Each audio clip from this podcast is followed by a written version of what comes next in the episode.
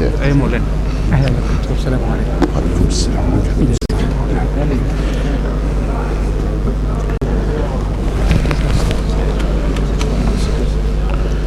بسم الله الرحمن الرحيم. الحمد لله والصلاة والسلام على سيدنا رسول الله وآله وصحبه ومن والاه. اللهم اشرح صدورنا واغفر ذنوبنا واسلك بنا الطريق إليك وافتح علينا فتوح العارفين بك واجعل الدنيا في أيدينا ولا تجعلها في قلوبنا وأعنا على ذكرك وشكرك وحسن عبادتك وحبب لنا الإيمان وزينه في قلوبنا وكره لنا الكفر والفسوق والعصيان واجعلنا من الراشدين ومع المتقين ومع القوم الصادقين. وانصرنا على القوم الكافرين. اللهم وحد قلوب المسلمين. اللهم يا ربنا أحينا مسلمين وأمتنا مسلمين غير خزايا ولا مفتونين. ولا تجعل في قلوبنا غلا للذين آمنوا. اللهم يا أرحم الراحمين ارحمنا. ويا غياث المستغيثين أغثنا. واستجب دعاءنا. اللهم تقبل منا صالح أعمالنا. نعوذ بك من الشقاق والنفاق وسوء الأخلاق. اغفر وارحم وتجاوز عما تعلم. إنك أنت الأعز الأكرم. واجعل جمعنا هذا جمعا مرحوما. وتفرقنا من بعده تفرقا معصوما. واجعلنا ممن يستمعون القول فيتبعون أحسنه. اللهم يا ربنا اشرح صدورنا لمرادك ومراد نبيك. اللهم أقمنا في الحق وأقم الحق بنا. قال رضي الله تعالى عنه ونفعنا الله بعلومه في الدارين. آمين. من عبر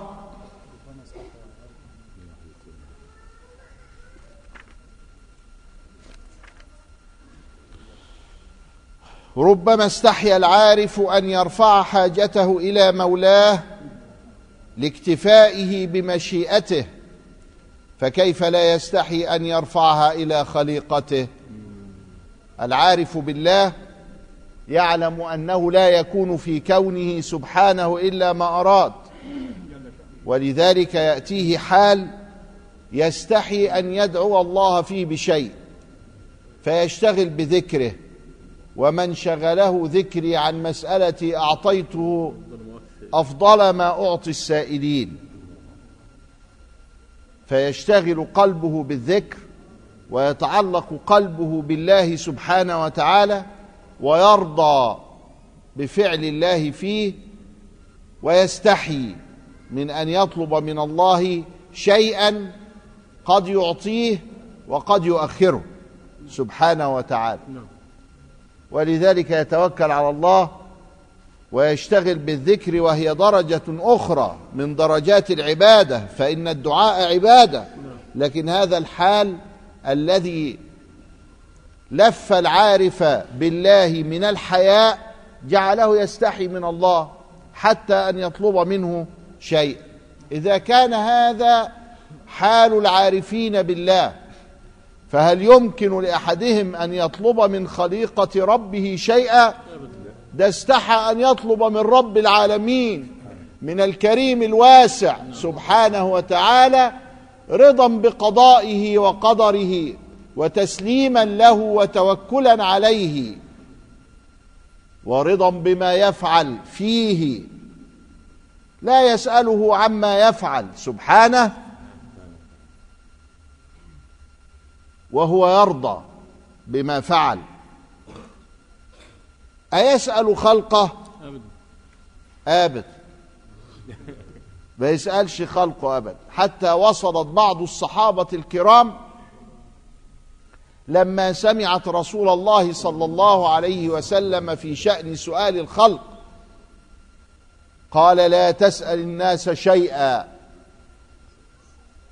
شوف إزاي العزة. لا تسأل الناس شيئا.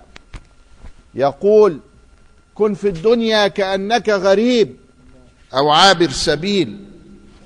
ويقول صلى الله عليه وآله وسلم وهو يبرئنا من الخلق والاعتماد عليهم. بتعمل إيه يا ابني؟ بتعمل إيه؟ اقعد ربنا يهديك اقعد اقعد ربنا يهديك. ربنا يشرح صدرك. ويحرق فيلمك.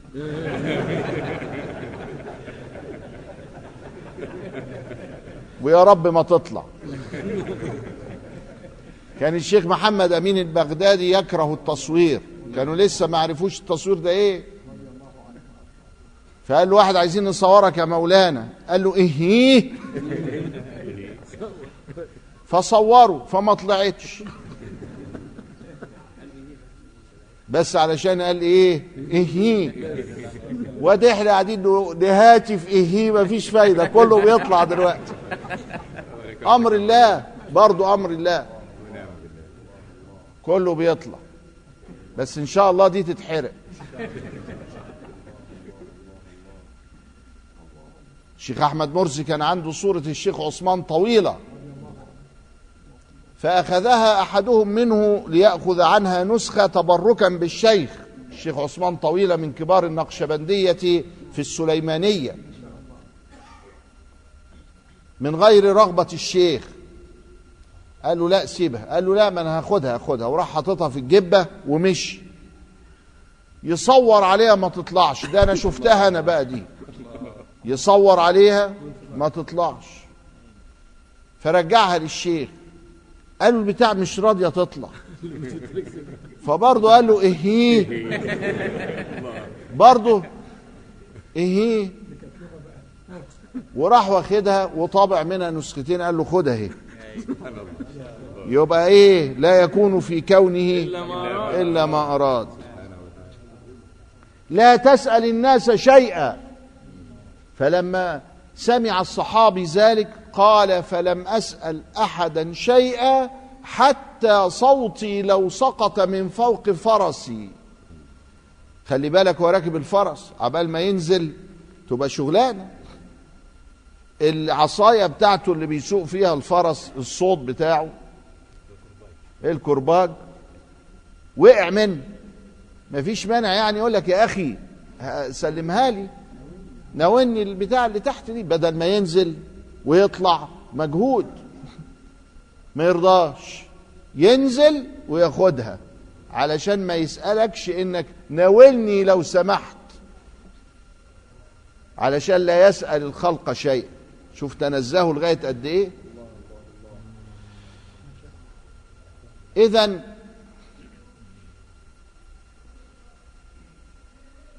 فكيف لا يستحي العارف أن يرفعها إلى خليقته؟ يستحي. خلاص ده الخليقة دول اتسدوا خالص. إذا كان ده مع ربنا وشأنه كده. قال رضي الله تعالى عنه ونفعنا الله بعلومه في الدارين. آمين. إذا التبس عليك أمران فانظر أثقلهما إلى النفس فاتبعه. شوف نفسك عايزة تهرب منين. مش عايزة إيه؟ أنت قدامك طريقين يمين وشمال. النهون والاتنين مباح مش حرام وحلال. حرام وحلال خلاص الحلال. لا الاتنين حلال. أعمل ولا ما أعملش؟ نفسي تقيلة عليا إن أنا أعمل يبقى أعمله. فإنه لا يثقل عليها إلا ما كان حقا. يبقى هو أعطانا صفة للنفس البشرية ينبغي علينا أن نتبعها وأن نرضى بها. ده غير علم النفس. علم النفس بيقول غير كده. بيقول شوف شهوتك فين واعملها. راح روحك. تيجي تريح روحك تلخبط الدنيا. وده تنور قلبك. وتسعد. وتبقى إنسان. لكن ديك هات ابدا يبقى اتبعت الشهوات وأغلق عليك ويعمل القلب شيئا فشيئا حتى يسود كله. ولا يزال ينكت في قلب أحدكم ينكت يعني يتحط نقطة كده حتى يصير أسودا مجخيا. اسود كله. وهنا يروون قصة سيدنا عمر اللي ذكرناها قبل كده كذا مرة. إنه في تسامع بيهودي في المدينة يدرك ما وراء الكثيف. يعني يقف ورا الحيطة ويعرف اللي وراه. قال لهم إزاي؟ ده يهودي. قالوا له آه بيعملها. شوف لك حل بقى. فراح له. قال ده الشيطان ده تلاقي معاه عفريت ولا حاجة. راح معاه السيف والبتاع خبط قال له أجئت تقتلني يا عمر؟ يعني دلوقتي انت جاي تقتلني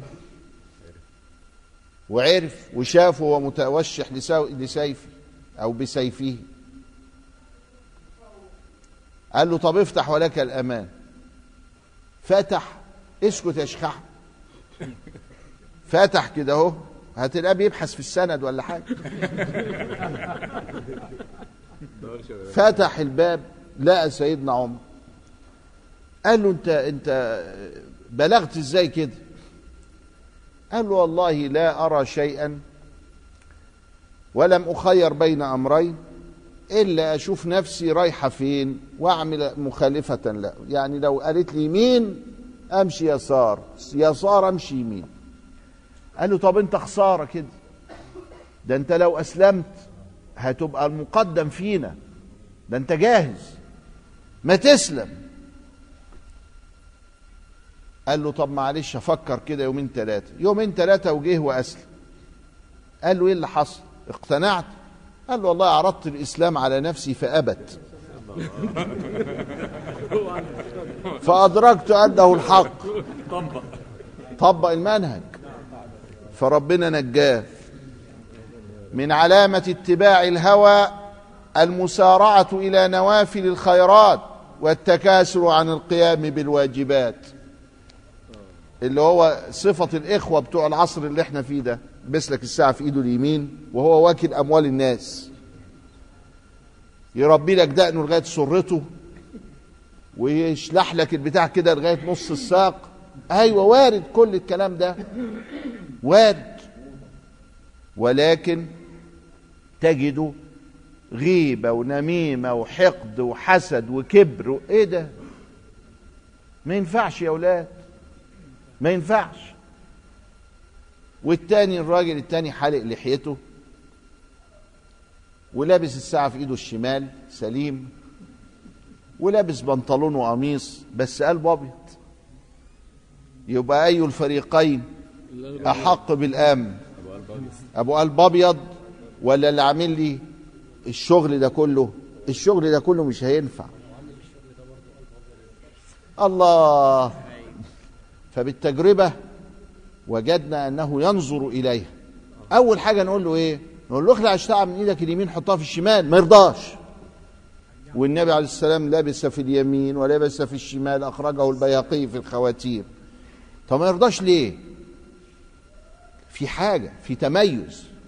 طب النبي نهى عن ثوب الشهر ما خدش باله ليه؟ من جوه لسه فيه ما ترباش. واخد بالك إزاي؟ فاحنا أصلا صنايعية بنكتشف الحاجات دي. بنكتشفها. ونصيحة لوجه الله خليك في وسط الناس كده. ما تعملش شو منظر يعني. اوعى يا واد تعمل شو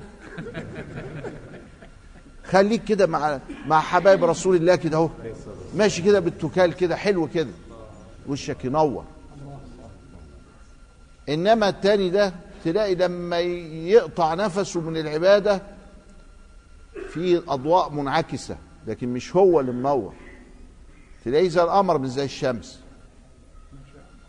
فحاسب. حاسب علشان دي حاجة بسيطة قوي. نظف اللي جوه ينضف اللي بره. نظف اللي بره ها يمكن ويمكن ربع وربع نص ونص. ولذلك اللي جوه ده خطير قوي. آه. قيد الطاعات بأعيان الأوقات كي لا يمنعك عنها وجود التسويف ووسع عليك الوقت كي تبقى لك حصة الاختيار. عشان يساعدك. أم قال لك تصلي خمس صلوات. عارف لو كان سابها لك قسما عظما ما واحد فيكم كان هيصليها في وقتها. كان كله هيصلي ال 17 ركعة آخر النهار. ما هي واسعة بقى. ويجي آخر النهار تعبان ينام. عايز يساعدك. يبقى المساعدة فيها رحمة. نعم. فرحمة. قال لك أيوه صحيح. أنا هساعدك. لازم تصلي الظهر من اتنين من 12 لتلاتة. مثلا يعني. لازم تصلي العصر من تلاتة لخمسة حسب المواعيد دي. فراح عمل إيه؟ وسعها وضيقها. ما هو ما خلاكش تصلي الظهر في أي وقت ولا العصر في أي وقت.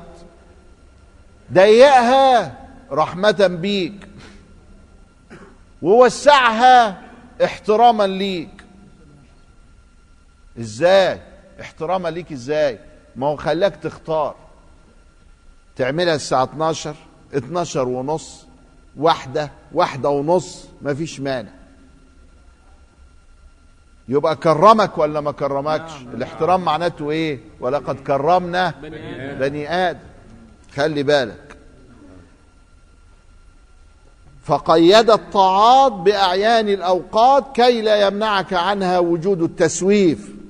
طب شوية كده طب بعد بكرة. ووسع عليك الوقت كي تبقى لك حصة الاختيار عشان تبقى محترم. علم قلة نهوض العباد إلى معاملته. مطبوعين كده على الكسل وكان النبي يستعيذ ويقول ونعوذ بك من العجز والكسل. فأوجب عليهم وجود طاعته. واجب تصلي واجب تصوم واجب تحج. طب ما كان سابها نافلة وانت بقى تختشي ويبقى عندك دم وتصلي وتصوم كده من عندك كده حب في الله. ولا كان ولا واحد كان هيعمل كده. لو قلنا إن كله نوافل واستحي بقى الله يستحق منك العبادة ما كانش حد هيعبد وحاصل أهو تقريبا تركنا كل النوافل. وقاعدين ماسكين بالعافية في إيه؟ في الفروض زي سيدنا الشيخ بتاع البرده البصيري بيقول ولم أصلي سوى فرض ولم أصم. ده بس بالتواضع ده ما هوش كسل. إنما بيقول يعني أنا أنا قادر أعمل حاجة. فساقهم فأوجب عليهم وجود طاعته. لما لقيت فرض عليك بقيت تصلي. فساقهم إليه بسلاسل الإيجاب. برضو رحمة بيك. علشان انت بالشكل ده بتحمد ربنا. بتقول الحمد لله رب العالمين في الفتح. بتسجد لربنا. يعني برضو ما هو في حاجة اسمها سجود الشكر. بس الحاجات دي كلها إيه؟ واجبة عليك. فكأنها سلاسل. ولكنها سلاسل بتقودك إلى الله.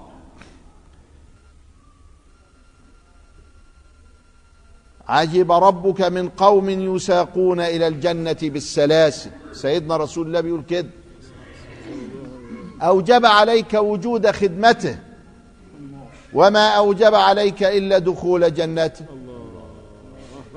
هو لما قال لك واجب عليك تصوم وتصلي. معناها إيه؟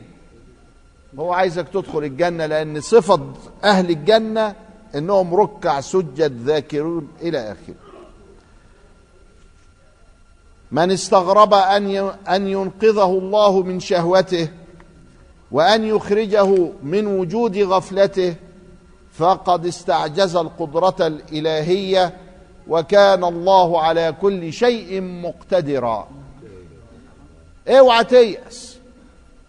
واحد يقول لي ومعقول؟ ده أنا مغموس في الشهوات كده انغماس. معقولة بطل مش عارف. ده أنا غافل وكل ما اتذكر واذكر ألاقي روحي غافل تاني. أنا يئست من روحي. أوعى. أوعى تيأس من نفسك. ده في لحظة تبقى من كبار الأولياء. لحظة واحدة. إذا ما أراد الله وفتح عليك فاللهم افتح علينا. أوعى. لأنه بالشكل ده تبقى استعجزت. القدرة الإلهية والعياذ بالله تعالى. الله قادر على أن ينقلك من أسوأ حال إلى أحسن حال في لحظة في طرفة عين أو أقل من ذلك. فاذا يجب عليك الا تيأس من روح الله. ربما وردت الظلم عليك.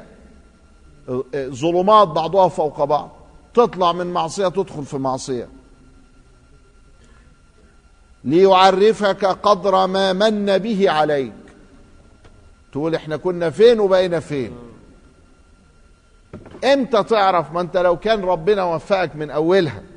للصلاة والصوم والعبادة وكذا قمت تلاقي خلاص. دي حاجة عادية. ما أنا كده طول عمري لكن لما تقع في المصيبة والعياذ بالله تعالى وتكون محنة وبعدين يمن عليك ربك بالتوبة فتاب الله عليهم ليتوبوا. ربنا يتاب عليك علشان تتوب. تشعر بمنة الله عليك. وتعرف مقدار هذه المنة التي أنزلها عليك. من لم يعرف قدر النعم بوجدانها عرفها بوجود فقدانها. انت بتصلي وبتصوم وربنا رزقك الصحة ورزقك المال ورزقك كذا إلى آخره.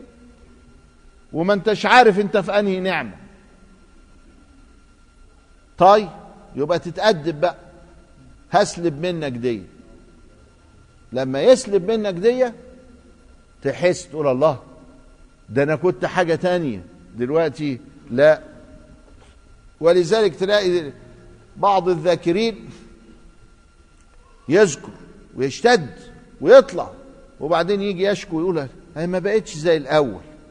أيوه ما علشان تعرف إن الأول كان شيء. هترجع تاني ما تخافش ما تخافش. هترجع تاني. بس إيه؟ بالهوينة. لا تدهشك واردات النعم عن القيام بحقوق شكرك. ساعات لما الواحد تتكسر عليه النعم يقول ما طبيعي ما نستحق ها؟ وينسى متشكرين يا ربنا. الحمد لله يا ربنا. لا نحصي ثناء عليك أنت كما أثنيت على نفسك. فإن ذلك مما يحط من وجود قدرك يعني عند ربك. فاوعى.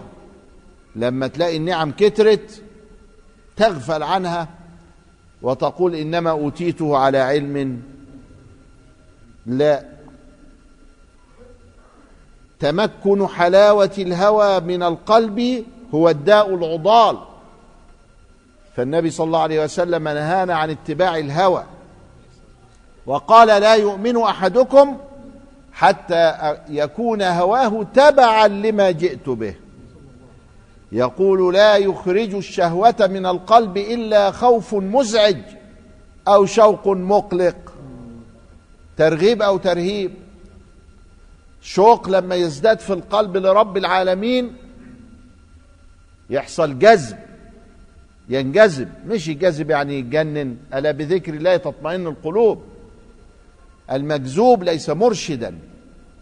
إنما المجذوب هنا هو من اشتاق إلى ربه فانجذب عن دنياه إليه يكون في الدنيا بجسده ومع ربه بقلبه. يبقى هو في عالم الأرواح والأشباح تسعى مع الأشباح. رايح جاي كده مع الناس وهو روحه مش معانا مع ربنا. واللي روحه مع ربنا ده هيأذي الخلق هيفسد في العالم. ما يعرفش. كما لا يحب العمل المشترك كذلك لا يحب القلب المشترك. هتعبد ربنا وواحد معاه؟ هو أغنى الأغنياء عن الشرك وعن الشركاء وهيتركك أنت وشركك.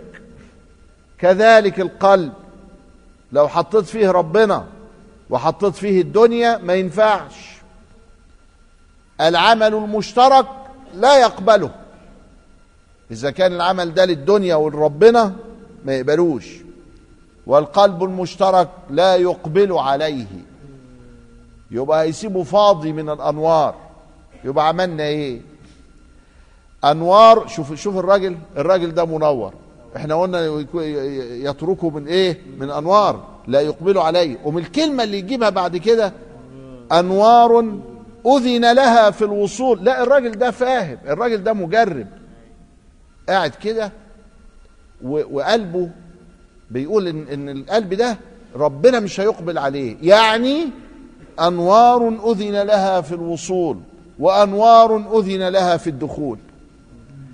الأنوار اللي بتيجي من عند ربنا ساعات تيجي وتقف عند الإنسان من بره قوم تبص له كده تلاقيه منور.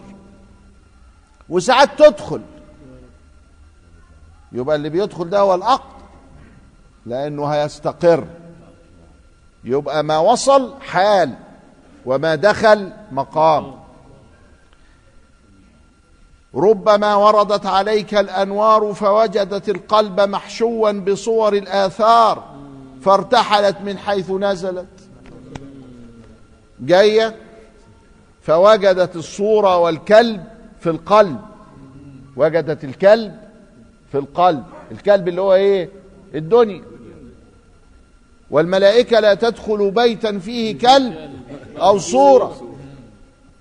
فجت الأنوار زي الملائكة. لقت قلبك مشغول بصورة الدنيا أو بكلبها الذي يعوي. خدت بعضها ومشي. مش هتدخل. يبقى هي وصلت لكن ما دخلتش. يرى فيك النور لكن ما انتش متنور من جوه. فرغ قلبك من الأغيار اللي هي الدنيا والكائنات يملأه بالمعارف والأسرار فإن القلب لا يبقى فارغا ابدا. عمر القلب ما يبقى فارغ. تطلع منه الدنيا يملأه بالمعارف والأسرار. تطلع تحط فيه الدنيا المعارف والأسرار تاخد بعضها وتروح. فاللهم نعوذ بك من الحور بعد الكور. إيه الحور بعد الكور؟ الحور فك العمامة. والكور لف العمامة. يبقى نعوذ بك من إن العمة تتفك بعد ما اتلفت. علشان اللفة بتاخد وقت يا شيخ عماد. لف العمة مجهود بياخد وقت. نعوذ بك من الحور بعد الكور. بعد ما كورنا العمامة يعني لفيناها اتفكت مننا تاني. يبقى كأنك بتعمل زي الست اللي بتغزل تركوه وفي واحد بي- بيسلت لها اللي بتعمله كده. طب وبعدين عملت إيه؟ مجهود من غير نتيجة.